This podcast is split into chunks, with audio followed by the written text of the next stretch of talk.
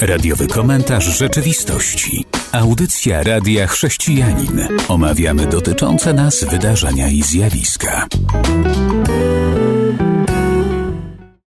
Kolejna niedziela i kolejna audycja. Witam serdecznie słuchaczy i witam Tomasza. Bardzo mi miło gościć w Państwa domach. No i, i, i niezwykle przyjemnie mi jest rozmawiać z Tobą, Robercie. Przechodzimy do wiadomości. Lato, a więc może nie wszystkie będą takie trudne wiadomości, a pierwsza to chyba dosyć optymistyczna, bo jak się okazuje, system penitencjarny w Rosji odnotowuje, że więźniowie najczęściej nie proszą o beletrystykę czy inne książki, ale o Biblię i generalnie o literaturę religijną. To jest niezła wiadomość, prawda? No, może jakoś tutaj sprawdza się stare przysłowie, jak trwoga to do Boga. W końcu w więzieniu zasadniczo czas spędzają osoby, które coś przeskrobały, mają coś na sumieniu. I tego czasu mają tam dużo na refleksję. No i należy się cieszyć, że, że też właśnie przemyślenia takie transcendentalne, metafizyczne, sięganie po literaturę religijną, po, szczególnie po Biblię, jest oznaką jakichś głębszych pragnień, poszukiwań. No i, no i w dobrą stronę idą także w procesie resocjalizacji. Zresztą wszelkie działania religijne odgrywają ważną rolę. To o tym mogą zaświadczyć kapelani więzienni, osoby, które pracują z penitencjariuszami. Bardzo, bardzo często właśnie w tych, w tych procesach resocjalizacyjnych korzysta się z, z doświadczeń organizacji religijnych. I tutaj chrześcijańskie organizacje, szczególnie protestanckie, mają potężne doświadczenie i, i dużą efektywność. Znamy przez świadectwa osób, które, które właśnie w, w więzieniu doświadczyły jakichś głębszych przeżyć religijnych i zmieniły zupełnie swoje życie. Także to, to, jest, to jest dobry znak. Jeszcze ciekawostka, bo czytają również zagraniczne książki i zagranicznych książek bardzo popularna pozycja to Zielona Mila Stephena Kinga. No ja też się nie dziwię, bo to jest historia również o człowieku, który niesprawiedliwie skazany został na śmierć, no i tematy, prawda, podobne. Ale również czytane są książki innych autorów. Dobrze, dobrze, że więźniowie chcą czytać, będą być może bardziej wrażliwi. A teraz już przechodzimy do kolejnej informacji, również związana z więzieniem, ale to już Norwegia. Tam żydowski więzień trafił na pierwsze strony gazet po tym, jak odmówiono mu koszernego jedzenia. Tak się składa, że odmówiono, no i co się dalej działo? On ma na imię Felix. Przez pół roku żywił się jajkami i tuńczykiem. Ten Izraelczyk odsiaduje w Norwegii ostatnią część sześcioletniego wyroku za oszustwo. W 2021 roku został wydalony przez Izrael w celu odbycia kary w Europie i okazuje się, że prosił, się nie doczekał i nie może jeść koszernej żywności. Ale, i tu jeszcze zanim będziemy komentować, powiem, że ciekawostką jest, że przez pewien okres pomagał mu muzułmanin, który tam gdzieś się przy kuchni kręcił, zrozumiał jego ból, bo sam również przestrzega pewnych to zaleceń, no i nawet mu troszeczkę pomagał, podrzucając pewne jedzenie, które byłoby akceptowalne przez tego Żyda.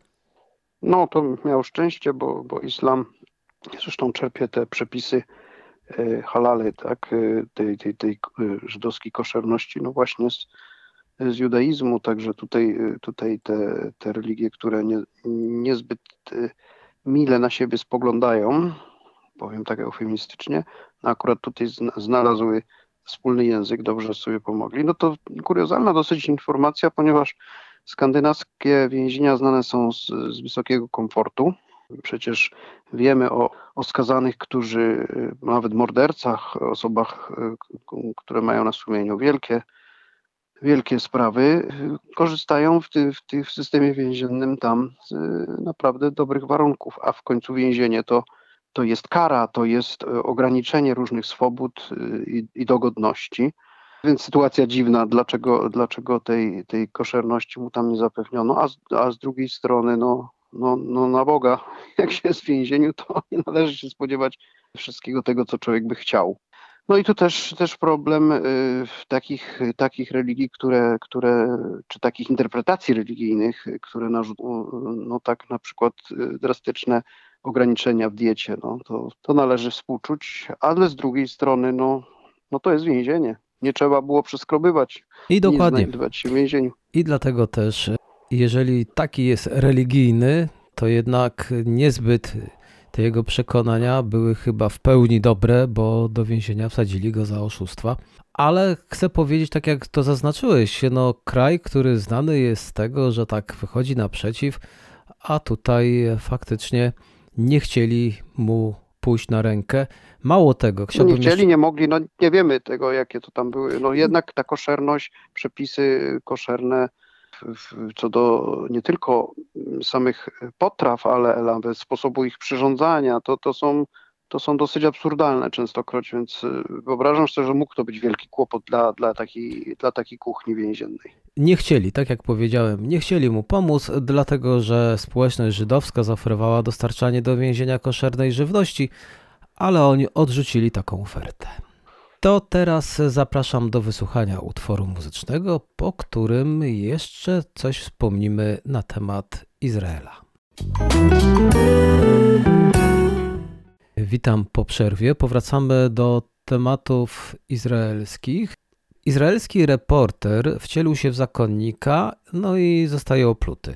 Chodzi o sytuację, że coraz częściej media, a także i ludzie donoszą o tym, że chrześcijan traktuje się po prostu źle w Jerozolimie i w ogóle w Izraelu, no to ten izraelski dziennikarz postanowił zobaczyć, jak to jest. Więc założył brązowy habit zakonnika i wraz jeszcze z takim prawdziwym zakonnikiem wybrał się na miasto, aby zobaczyć, co się dzieje.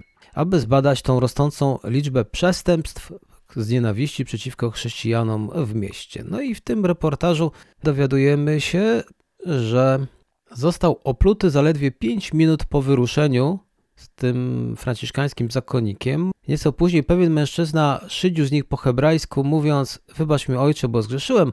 Następnie ośmiolatek opluł ich, podobnie jak żołnierz z grupy wojskowych, która przychodziła obok.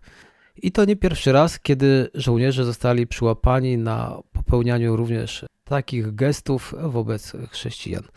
To mówiąc szczerze, to nie wiem, czy warto jeździć na te wycieczki, te pielgrzymki do Izraela. No właśnie to jest o tyle dziwne, że, że Izrael przecież e, w dużej mierze słynie z, z, jako miejsce pielgrzymkowe, turystyczne i, i niemałą część dochodów tego państwa stanowią właśnie wpływy z turystyki i to w dużej mierze religijnej. Jak dotąd, y, nawet wobec konfliktu palestyńsko-izraelskiego, y, w, w, tych miejscach świętych, odwiedzanych przez turystów, przez pielgrzymów, i to miejsca znajdujących się za, zarówno w autonomii palestyńskiej, jak i w samym Izraelu, no, obydwie strony starały się robić wszystko, by, by zapewnić komfort odwiedzającym, bo wszy dla wszystkich to miało znaczenie, te, także finansowe, nie tylko wizerunkowe. Ale ostatnimi czasy chyba dlatego, że, że społeczeństwo izraelskie znajduje się w trudnej sytuacji politycznej, jest wiele manifestacji, jest, jest wielkie napięcie polityczne, bo środowiska prawicowe, które obecnie rządzą, y, są wspierane przez skrajne partie, partie nacjonalistyczne, partie wręcz no, jakiś tu paradoks faszystowskie w swej retoryce.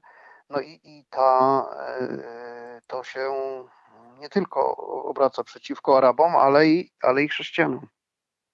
Pewien franciszkanin mówi, że takie ataki, fala ataków rozpoczęła się tu cytuję, kiedy język polityczny stał się bardziej brutalny. Tak więc dobrze, że nawiązałeś tutaj do polityki. Pewne środowiska, jak widać, nakręcają taką sytuację.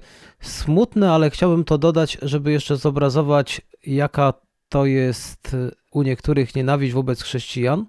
Jak to mówi pewien zakonnik, czują się bezkarni, uważając, że wszystko jest dozwolone, bo mówi, że widział, jak ludzie oddawali mocz na święte miejsce chrześcijan, a nawet filmowali siebie, jak to robią. Tak więc rzeczywiście ta skala się tam mocno podniosła tej agresji wobec chrześcijan. Chciałbym zacytować jeszcze jeden dziennik francuski, Zawsze istniały nienawidzące nas siły, ale obecnie zasiadają one w rządzie. Obecnie ktoś mnie opluwa codziennie, podczas gdy 20 lat temu zdarzało się to może maksymalnie raz na 6 miesięcy. To mówi zakonnik cytowany. Ale teraz e, chciałbym przejść dalej do wiadomości również związanej z Żydami, ale przenosimy się do innego kraju, bo pewna to pani, hebraistka Irena Lancaster, mówi, i to mówi, podkreśla, jako Żydówka, że jest przeciwna planom nowego pomnika Holokaustu w Westminsterze. Jak więc widać, że jednak Żydzi wcale nie wszędzie chcą mówić o Holokauście i nie wszędzie chcą, no użyję takiego zwrotu dziwnego, ale jednak dawać nam tym tematem po oczach. No, o, o Holokauście należy mówić, bo jest to potężne doświadczenie historyczne ludzkości, z którego należy wyciągać e, wnioski. Ono ma, ono, ono ma znaczenie w, w edukacji i zresztą sama ta, ta naukowczyni o tym mówi, że, że, że zajmuje się tym w, na, na uczelni, gdzie, gdzie wykłada i, i jest to ważki temat. Natomiast chodzi tutaj bardziej o na, natomiast y, dyskusja toczy się tam w Wielkiej Brytanii, zresztą w wielu innych krajach y, i, i nas ona też dotyczy, bo jest to szerszy problem, epatowania y, miejscami pamięci, pomnikami i, i, i niejako trywializowania tej pamięci. W wielu nowoczesnych społeczeństwach dawno zrozumiano, że nie ilość pomników i miejsc pamięci e, dba o tą pamięć i, i, i w właściwy sposób e, korzysta z, z, historii, jak właśnie nacisk na, na odpowiednią, odpowiednie treści edukacyjne, e, nie tylko w, w systemie edukacji, w szkolnictwie, ale, ale w ogóle w, w komunikacji społecznej. I, I, ta dyskusja o, o, tym ewentualnym pomniku Holokaustu w Westminsterze, no ona właśnie dotyczy tego, czy, czy tą przestrzeń publiczną regularnie napełniać kolejnymi pomnikami i czy czasem mm, nie dojdzie do jakiegoś odwrotnego, nie, nie osiągnie się jakiegoś skutku ubocznego, czy wręcz przeciwnego, że, że zbyt y, silne epatowanie takimi miejscami może, może wzbudzać jakąś albo obojętność, a wręcz sprzeciw.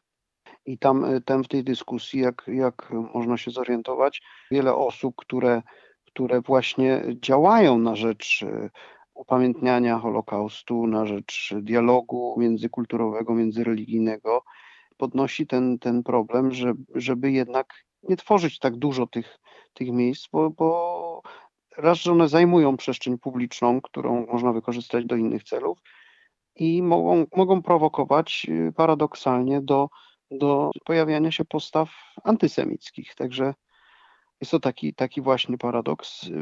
Myślę, że przede wszystkim obojętnie, zobojętnienie. No, w Polsce ten temat prze, przerabiamy, jeżeli chodzi o upamiętnianie y, Jana Pawła II, prezydenta Lecha Kaczyńskiego.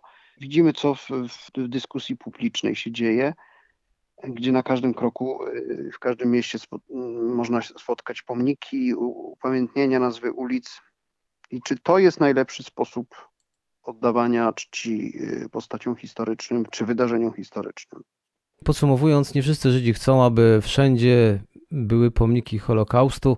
Niektórzy jednak uważają, że jak będzie mniej, to lepiej, a też y, tu ta pani sama podkreśla, trzeba też pokazywać życie, a nie tylko męczeństwo. To teraz zapraszam na przerwę, po której jeszcze kilka wiadomości może uda się omówić.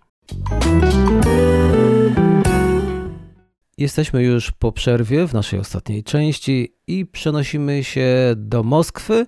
Najważniejsze święto muzułmańskie sparaliżowało w środę rosyjską stolicę. To dowód na to, że Moskwa już dawno nie jest miastem wyłącznie prawosławnym, czytamy w pewnej to gazecie. I faktycznie patrzę na zdjęcie, mnóstwo, mnóstwo, tysiące ludzi na ulicy, którzy modlą się, tu chodzi o muzułmanów. W Moskwie, jak podają lokalne media, Było ich wokół trzech najważniejszych meczetów 200 tysięcy tych muzułmanów. Oprócz tego około 100 tysięcy wyznawców islamu uczestniczyło w nabożeństwach w obwodzie moskiewskim. I od razu trzeba powiedzieć, że większość z nich no to skądś przybyła. Tutaj pada Kaukaz Północny, ale podejrzewam, że nie tylko.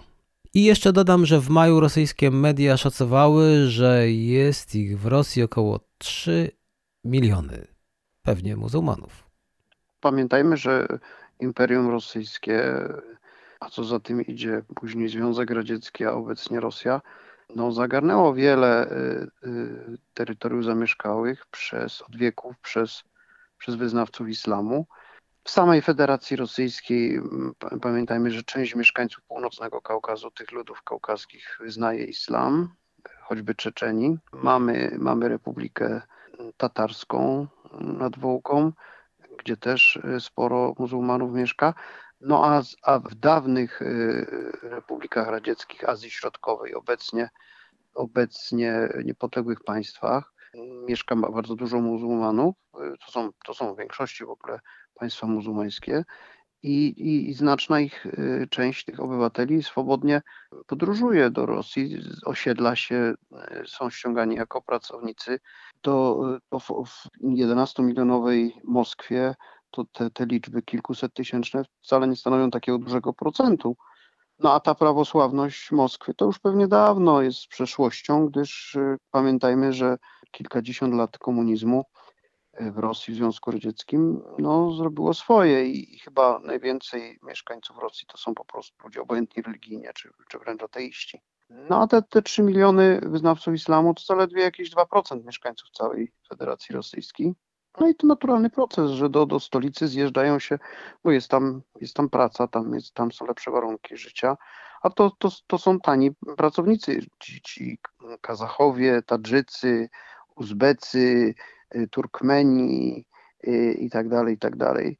Więc proces naturalny, a łatwiej się na obczyźnie pielęgnuje własne tradycje narodowe, religijne, więc, więc to widać przy takim wielkim święcie, święcie ofiarowania. To, to jest to spektakularne. Na tyle ta wiadomość jest ciekawa, bo przecież do tej pory próbowano nam pokazać, że Rosja to prawosławie, tam, że jest silne, że tam ma wiele do powiedzenia, a tak naprawdę to, że aż Putin bierze pod uwagę tutaj, co powie zwierzchnik cerkwi rosyjskiej, ale okazuje się, że tak naprawdę jest inaczej. Chociażby widzimy, że z okazji tego najważniejszego święta muzułmanów, rodakom swoim Władimir Putin złożył życzenia, między innymi dziękował wyznawcom islamu walczącym w szeregach armii rosyjskiej na frontach wojny z Ukrainą. No tak, y, prawosławie historycznie y, było potężne w Rosji i formalnie cerkiew prawosławna odgrywa ważną rolę w systemie władzy rosyjskiej, chociaż, chociaż konstytucja Federacji Rosyjskiej e, wyraźnie mówi, że nie ma żadnej religii państwowej, to de facto prawosławie taką rolę odgrywa, aczkolwiek e, dane statystyczne mówią, że około 5% mieszkańców Rosji e, czuje jakiś bliższy związek z cerkwią, więc, więc jest to społeczeństwo raczej zróżnicowane i w dużej mierze chyba obojętne religijnie. A teraz przenosimy się na koniec do Francji, bo stamtąd nadeszła po długim czasie dobra wiadomość, bo to, co wciąż do nas dociera z Francji, wcale optymistyczne nie jest, a tutaj, jak się okazuje, z badań przeprowadzonych we francuskich księgarniach religijnych wynika, że sprzedaje się w nich coraz więcej Biblii. I od razu można też powiedzieć, że te dane pokazują, że chrześcijanie nie czytają wystarczająco dużo, a jeżeli już, to lubią literaturę, można byłoby powiedzieć, lekką, a więc świadectwa, no i inne historie nawróceń. Pięknie. Y, zaczynaliśmy nasze spotkanie od, od informacji, jak to więźniowie w Rosji często sięgają po Biblię, a tu w wolnej, sekularyzowanej, nowoczesnej Francji wzrasta zainteresowanie Pismem Świętym, no to, to należy się cieszyć, że Pismo Święte jest uniwersalną literaturą w różnych państwach, w różnych społeczeństwach, na różnym poziomie rozwoju i posiadających różne tradycje, no to jest dowód na, na, na żywotność tego Słowa Bożego i, i powinniśmy się cieszyć, e, bo czytanie Biblii zawsze nie tylko pozwala czytelnikowi poznać przesłanie biblijne, ale rozwija e, intelektualnie, kulturowo, bo chcąc zrozumieć i poznać to, co jest w Biblii napisane, trzeba sięgać też po inną literaturę, literaturę historyczną, teologiczną, która to objaśnia, pokazuje kontekst. Trzymamy kciuki za, za młodych Francuzów, którzy sięgają po Biblię i za, za więźniów rosyjskich, którzy sięgają po Biblię. My też sięgajmy po Biblię jak najczęściej możemy. Tak, żeby Polacy również byli znani z tego, że czytają Biblię. Tutaj jeden z księgarzy mówi, że odnotowuje się bardzo zaskakujące zjawisko, jakim jest ciągły wzrost sprzedaży Biblii, po którą coraz częściej sięgają nastolatkowie przychodzący na zakupy do księgarni całymi rówieśniczymi grupami. To niesamowita radość, że się też nie wstydzą, że to nie jest tak, że jakiś młody człowiek tak pokryjomu, koledzy nie widzą, koleżanki nie patrzą, to może kupię sobie Biblię i będę czytał. A tu się okazuje, że to jednak no to Fajnie, fajnie. To zawstydzające dla, dla naszego społeczeństwa, bo y, i, i inne dane statystyczne pokazują, że y, przeciętny Polak, znaczy y, tych Polaków, którzy, którzy sięgają po, po jakąkolwiek książkę, jest około 38%, a we Francji czyta ponad 90% mieszkańców. I właśnie bardzo dużo młodych ludzi czy, czyta w ogóle we Francji. No i w ramach tego czytania też, też czytają Biblię, więc uczmy się od Francuzów. Uczmy się od Francuzów. przynajmniej Czy- czytać, przynajmniej czytać, Przynajmniej bo wie, czytać, tak. wiele innych rzeczy to już może zostawmy, ale tutaj A tak. będzie nam łatwiej, bo, bo, bo czytanie po polsku jest dla Polaków prostsze niż czytanie na przykład po francusku. I jak to ktoś kiedyś powiedział, kiedy usłyszał, że, że język polski jest trudny, to odpowiedział, a u nas nawet małe dzieci mówią po polsku. No właśnie. Także nie jest taki skomplikowany. Rzeczywiście można sięgnąć po różne książki. A teraz dziękuję serdecznie za uwagę. Do usłyszenia. Do usłyszenia było miło Państwem porozmawiać. Był to radiowy komentarz rzeczywistości.